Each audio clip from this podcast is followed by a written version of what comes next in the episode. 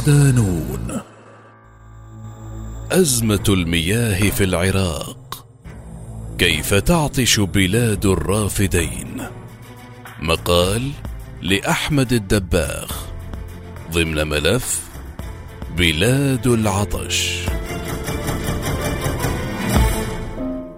يعيش العراق منذ سنوات عديدة أزمة مياه آخذة بالتصاعد عاما بعد آخر. أزمة باتت ملامحها واضحة في الشارع العراقي بعد أن تسبب شح المياه في خروج آلاف المتظاهرين في مختلف محافظات الوسط والجنوب إلى الشوارع مطالبين بتوفير مياه صالحة للشرب عام 2018. رغم أن نهري دجلة والفرات يمران بالعراق من شماله حتى جنوبه فضلا عن عشرات الروافد الأخرى فإن الواقع يشي بأن العراق مقبل على أزمة مياه طاحنة قد تغير كثيرا من ملامح العراق المعروف اليوم. وهو ما بدا مفزعا في آخر تقرير نشرته صحيفة بلومبرغ عن البلاد. وهو ما بدا مفزعا في آخر تقرير نشرته صحيفة بلومبرغ عن البلاد الأكثر عرضة لكارثة نقص المياه في السنوات القريبة. حيث صنف العراق بالمرتبة الثانية والأربعين ضمن فئة الخطر المرتفع.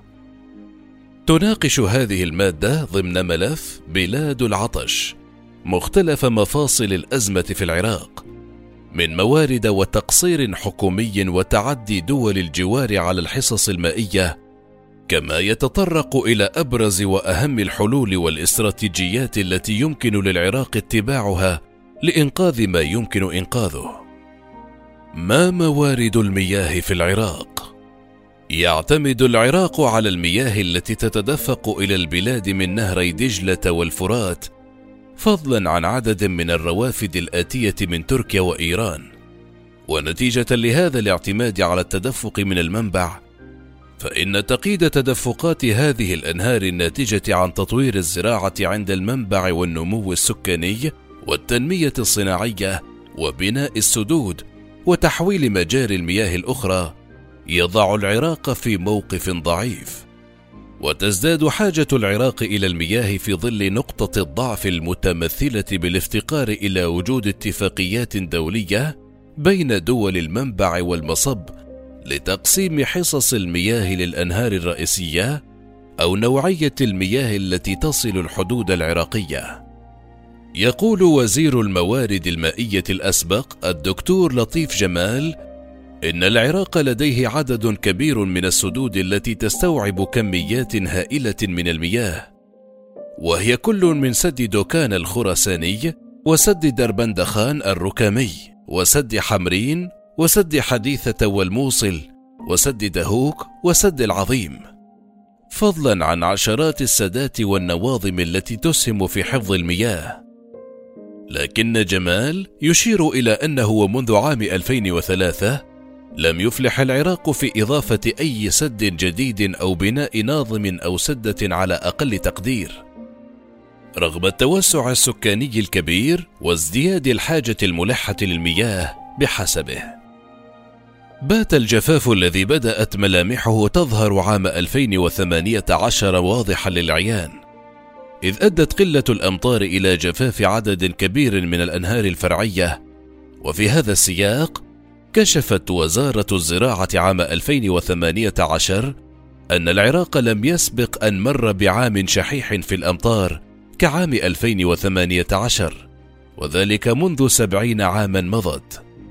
كما أشار أعضاء في مجلس النواب العراقي إلى أن العراق سيخسر أربعين بالمئة من أراضيه الزراعية خلال فترة قصيرة جدا إذا تكررت موجة جفاف عام 2018 إضافة إلى أن مناسيب المياه في نهر دجلة ستنخفض لمستويات قياسية. المياه الجوفية والآبار خريطة كنز مفقود. يتمتع العراق بمكامن مهمة ومتعددة في المياه الجوفية، إذ يقسم العراق جيولوجيا إلى خمس مناطق هي المنغلقة والجبلية والمتموجة والسهلية والصحراوية. وفقا للباحث عبد الكريم حسن سلومي تمتاز المنطقتان المنغلقة والجبلية باحتوائهما على خزانات مائية جوفية صالحة للاستخدام خاصة في المنطقة الجبلية حيث تكثر الينابيع العذبة ويتراوح عمقها بين خمسة إلى خمسين مترا. أما المناطق السهلية فتضم كميات من المياه الجوفية ناتجة عن تسريبات مياه دجلة والفرات إلى باطن الأرض. وهي لا تبعد كثيرا عن سطح الأرض في حين أن مستودعات المياه الجوفية في البادية يزيد عمقها على 300 متر وغالبا ما تكون مياهها صالحة للزراعة والشرب إلى حد ما. خاصة في حوض الفرات الواقع في الجهة الغربية من العراق في محافظة الأنبار. ويكشف سلومي أن كمية المياه الجوفية في العراق تقدر بنحو ملياري متر مكعب مضمونة وسهلة الاستخراج والتعويض.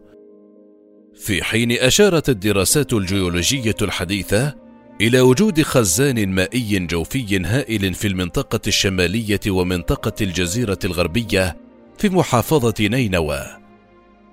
إذ يقدر مخزونه المائي بنحو 200 مليار متر مكعب وتصل تغذيته المائية السنوية إلى نحو 1447 مليون متر مكعب. ويؤكد باحثون في الموارد المائية أنه من الصعب الوقوف على حجم المخزونات الجوفية الحقيقية بسبب عدم توافر الدراسات لكنها بالتأكيد كميات هائلة جدا إذ يقول المهندس الزراعي تركي عطيوي الذي عمل نحو عقدين في حفر الآبار وإنشاء قنوات الري في مناطق مختلفة من العراق إنه على الرغم من توافر المياه الجوفية بكميات هائلة لكن ليس بإمكان كثيرين الوصول إليها رغم حاجتهم الماسة لها. ويضيف عطيوي أن أغلب سكان الصحاري في العراق والمناطق الريفية من الذين يعتمدون على الآبار كمصدر للمياه لا تتوافر لديهم إمكانية معالجة المياه الجوفية للتخلص من المواد غير المرغوبة فيها مثل المعادن والشوائب المسببة لعسرة المياه. ويكشف أن مشاريع استخراج المياه الجوفية بتقنيات حديثة ستكون بكل تأكيد مجدية اقتصاديا، لكنها غير ممكنة في الوقت الحاضر من الناحية الفنية بسبب كلفتها الباهظة والافتقار للدعم إضافة إلى غياب التقنيات الحديثة المتعلقة بالحفر والإمداد والتخزين. عام 2010 أنجز العراق المرحلة الأولى من رسم خريطة موارد البلاد للمياه الجوفية بالتنسيق مع مكتب يونسكو العراق، وكان ذلك من أجل دمج بيانات المياه في قاعدة بيانات مركزية تساعد على تخزين المياه الجوفية حيث يتم استخدامها من خبراء دوليين لجمع وتحديث المعلومات عن توافر المياه الجوفية في المنطقة. بينما يرى المهندس التقني حسن ثجيل أن المياه الجوفية في العراق تتطلب معالجة فيزيائية وكيميائية متقدمة وباهظة التكاليف. وهي تختلف كثيرا عن المعالجة التقليدية لمياه الأنهار والآبار النقية ما يتطلب دعما حكوميا وخطة استراتيجية للاستفادة من هذا الكنز الهائل. تحذر دراسة نشرت عام 2013 في موقع سكريب ريسيرش الذي يعد واحدا من أكبر المواقع المختصة بالشأن العلمي وأكثرها انتشارا من أن العراق يواجه مشكلة خطيرة في نقص المياه، فمن المتوقع أن تكون هذه المشكلة أكثر حدة في المستقبل المنظور. تقدر التدفقات المائية الحالية في العراق بنحو 43 مليار متر مكعب من المياه وفق إحصائية عام 2015 وستنخفض إلى 17.61 مليار متر مكعب عام 2025 في الوقت الذي ستقدر حاجة العراق للمياه بنحو 77 مليار متر مكعب من المياه لذات العام. تشير الدراسة الأكاديمية إلى أن تدفق المياه في نهري دجلة والفرات سيستمر في التناقص مع مرور الوقت، وسيجف النهران تماما بحلول عام 2040. في الوقت الذي دعت فيه الدراسة السلطات العراقية إلى اتخاذ تدابير جدية وسريعة للتغلب على هذه المشكلة. لماذا يجف العراق؟ توضح الدراسة ذاتها أن مجموعة من العوامل أدت إلى وقوع العراق في أزمة مياه أولها التغير المناخي ثم العوامل الإقليمية وعلاقة العراق مع دول الجوار. فضلا عن سوء توزيع المياه وافتقاد البلاد لرؤية استراتيجية للتعامل مع المشكلة وعدم اكتراث الحكومات العراقية لها. وعليه توصي الدراسة الحكومية العراقية باتخاذ تدابير للحصول على رؤية استراتيجية لإدارة المياه بما في ذلك التعاون والتنسيق الإقليمي مع دول المنبع لنهري دجلة والفرات. فضلا عن البحث والتطوير وتحسين قطاع الزراعة والصرف الصحي وبرامج التوعية العامة والعمل على البدء باستراتيجية إعادة تدوير المياه وتخزينها. تلوث المياه.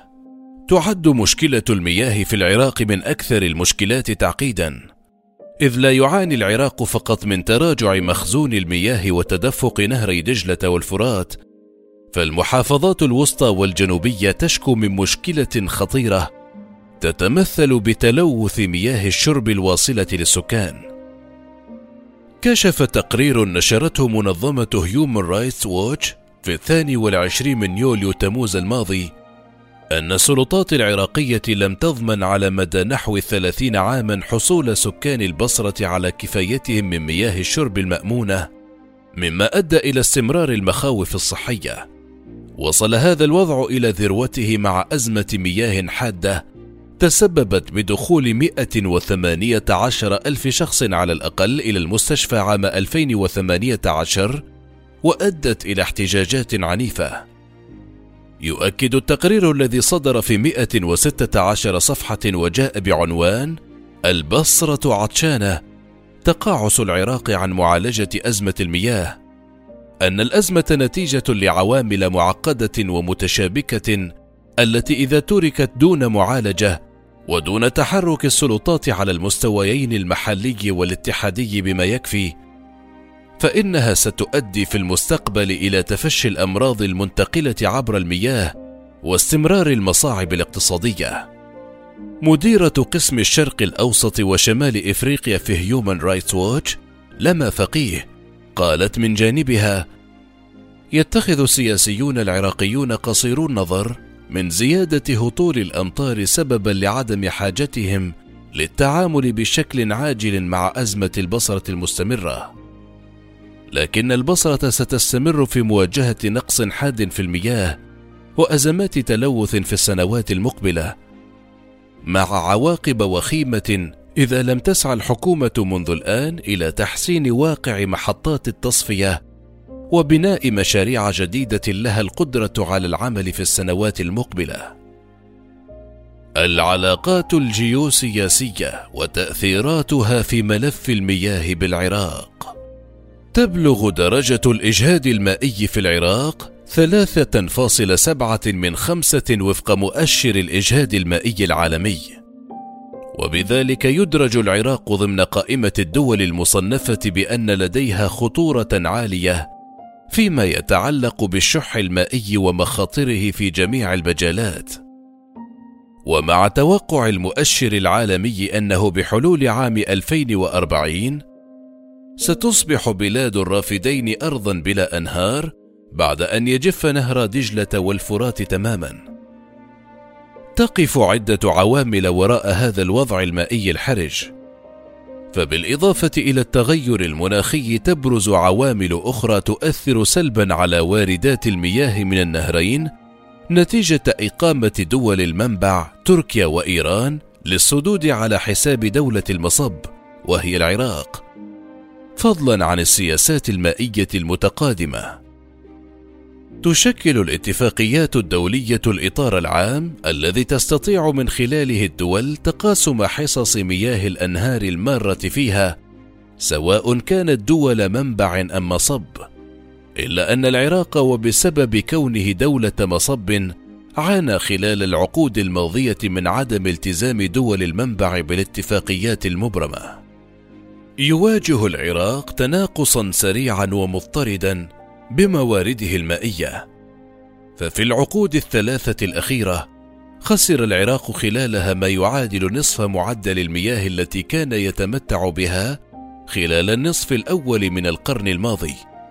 وفي السنوات العشر الأخيرة خسر نحو 80% من المياه المتدفقة إليه من إيران بعد قطعها نحو 35 رافدا رئيسيا. وذلك وفقا للجنة الزراعة والمياه النيابية العراقية. إذ أشارت اللجنة إلى أن المتبقي من الروافد الإيرانية سبعة فقط وأن طهران بصدد بناء نواظم وسدود جديدة في السنوات القادمة.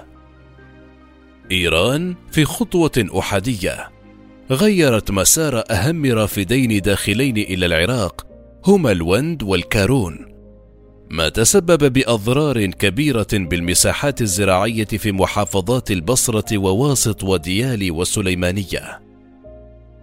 في عام 2011 أقرت الحكومة الإيرانية مشروعا لبناء 152 سدا بعضها للتحكم واستنفاد المياه الداخلة إلى العراق لا سيما الروافد والأنهار. فيما لم تشتكي الحكومة الاتحادية العراقية من التجاوزات المائية الإيرانية ولم تطالب بتفعيل الاتفاقيات الدولية التي تنظم التدفق المائي بين البلدين. يقول الباحث في شؤون الموارد المائية رياض العلي في حديثه لنون بوست إن الحكومة العراقية وعلى الرغم من التسهيلات الكبيرة التي تقدمها لإيران في خضم الحصار الاقتصادي الأمريكي المفروض عليها، فإنها لم تنبس ببنت شفة عن ضرورة تقاسم المياه بين البلدين وعدم تعطيش المحافظات المجاورة لإيران.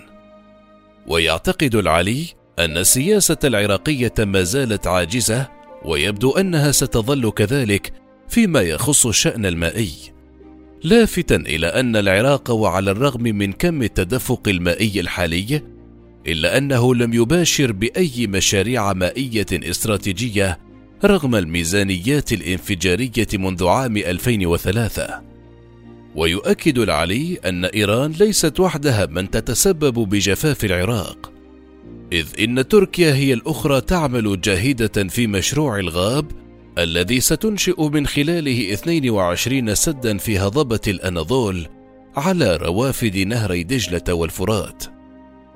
العلي يرى من جانبه أنه وعلى الرغم من كم التحديات التي يواجهها العراق فإنه لا يزال يمتلك متسعا من الوقت للبدء بعلاج هذه الأزمة. إذ يمكن لحكومة بغداد استئناف العمل بمشروع سد بدوش في محافظة نينوى الذي إن اكتمل فإنه سيضيف ما لا يقل عن ثلاث مليارات متر مكعب من المياه كخزان مائي فضلا عن ضرورة البدء بإنشاء سدود جديدة وتعزيز قدرة السدود القائمة من خلال توسيع البحيرات الذي باتت بعض الدول تنتهجه في حال عدم قدرتها على بناء سدود جديدة. يختتم العلي حديثه لنون بوست بالإشارة إلى أنه بات من الواجب تشريع قوانين للحفاظ على المياه وتدويرها بدل أن تذهب مياه دجلة والفرات لتصب في الخليج المالح مشيرا إلى أنه حتى اللحظة لم تباشر الوزارات العراقية ذات الصلة بأي مشاريع تحلية في المحافظات الجنوبية فضلا عن افتقار البلاد لمنظومات إعادة تدوير المياه الأولية التي يمكن من خلالها إعادة استخدام المياه لأجل الزراعة على أقل تقدير. ومن نظرة اقتصادية يمكن للعراق أن يخوض حرب مياه مع كل من تركيا وإيران، مستغلا موارده الاقتصادية وقدرته الاستيرادية الكبيرة. إذ وبحسب الكاتبة والباحثة في الشأن العراقي تمار عماد فإن العراق يستورد من تركيا ما يعادل عشرين مليار دولار سنويا وما يعادل عشر مليارات دولار من إيران وهذه الميزة إن أرادت الحكومة العراقية استغلالها فإنها يمكن أن تستغل الاقتصاد كورقة ضغط لتجبر تركيا وإيران على الالتزام بالمعاهدات والاتفاقات الموقعة سابقا. في الوقت الذي تصر فيه تركيا على اعتبار نهري دجلة والفرات نهران وطنيان ترفض توقيع أي اتفاقية مع الجانب العراقي لتقاسم مياههما. استراتيجيات عملية عدة يمكن للعراق أن يتبناها للشروع بوضع البلاد في مسار آمن فيما يتعلق بالمياه. وتقسم هذه الاستراتيجيات إلى جزئين داخلي وخارجي. داخليا يمكن للعراق البدء بإنشاء سدود جديدة في غضون السنوات العشرة المقبلة فضلا عن تطوير أساليب الزراعة وتدوير المياه وترشيدها من خلال سن قوانين جديدة. أما على المستوى الخارجي ففي حال أرادت الحكومة الضغط على كل من تركيا وإيران فإن لديها ملفات سياسية وأمنية واقتصادية عدة. لعل أهمها حجم التبادل التجاري والميزان التجاري الذي تميل الكفة فيه لصالح كل من تركيا وإيران بخلاف العراق. ما يعد ورقة ضغط كبيرة وناجعة يمكن استخدامها. ولعل الملف الأمني يبرز أيضا كورقة ضامنة للعراق. فملف حزب العمال الكردستاني ووجوده في مناطق شمال العراق يمكن الاستفادة منه في إجبار تركيا على الخضوع للاتفاقيات الدولية وكذلك الحال مع إيران التي تعد العراق رئة اقتصادية وأمنية لها. من خلال كونه معبرا لنفوذها الإقليمي تجاه كل من سوريا ولبنان.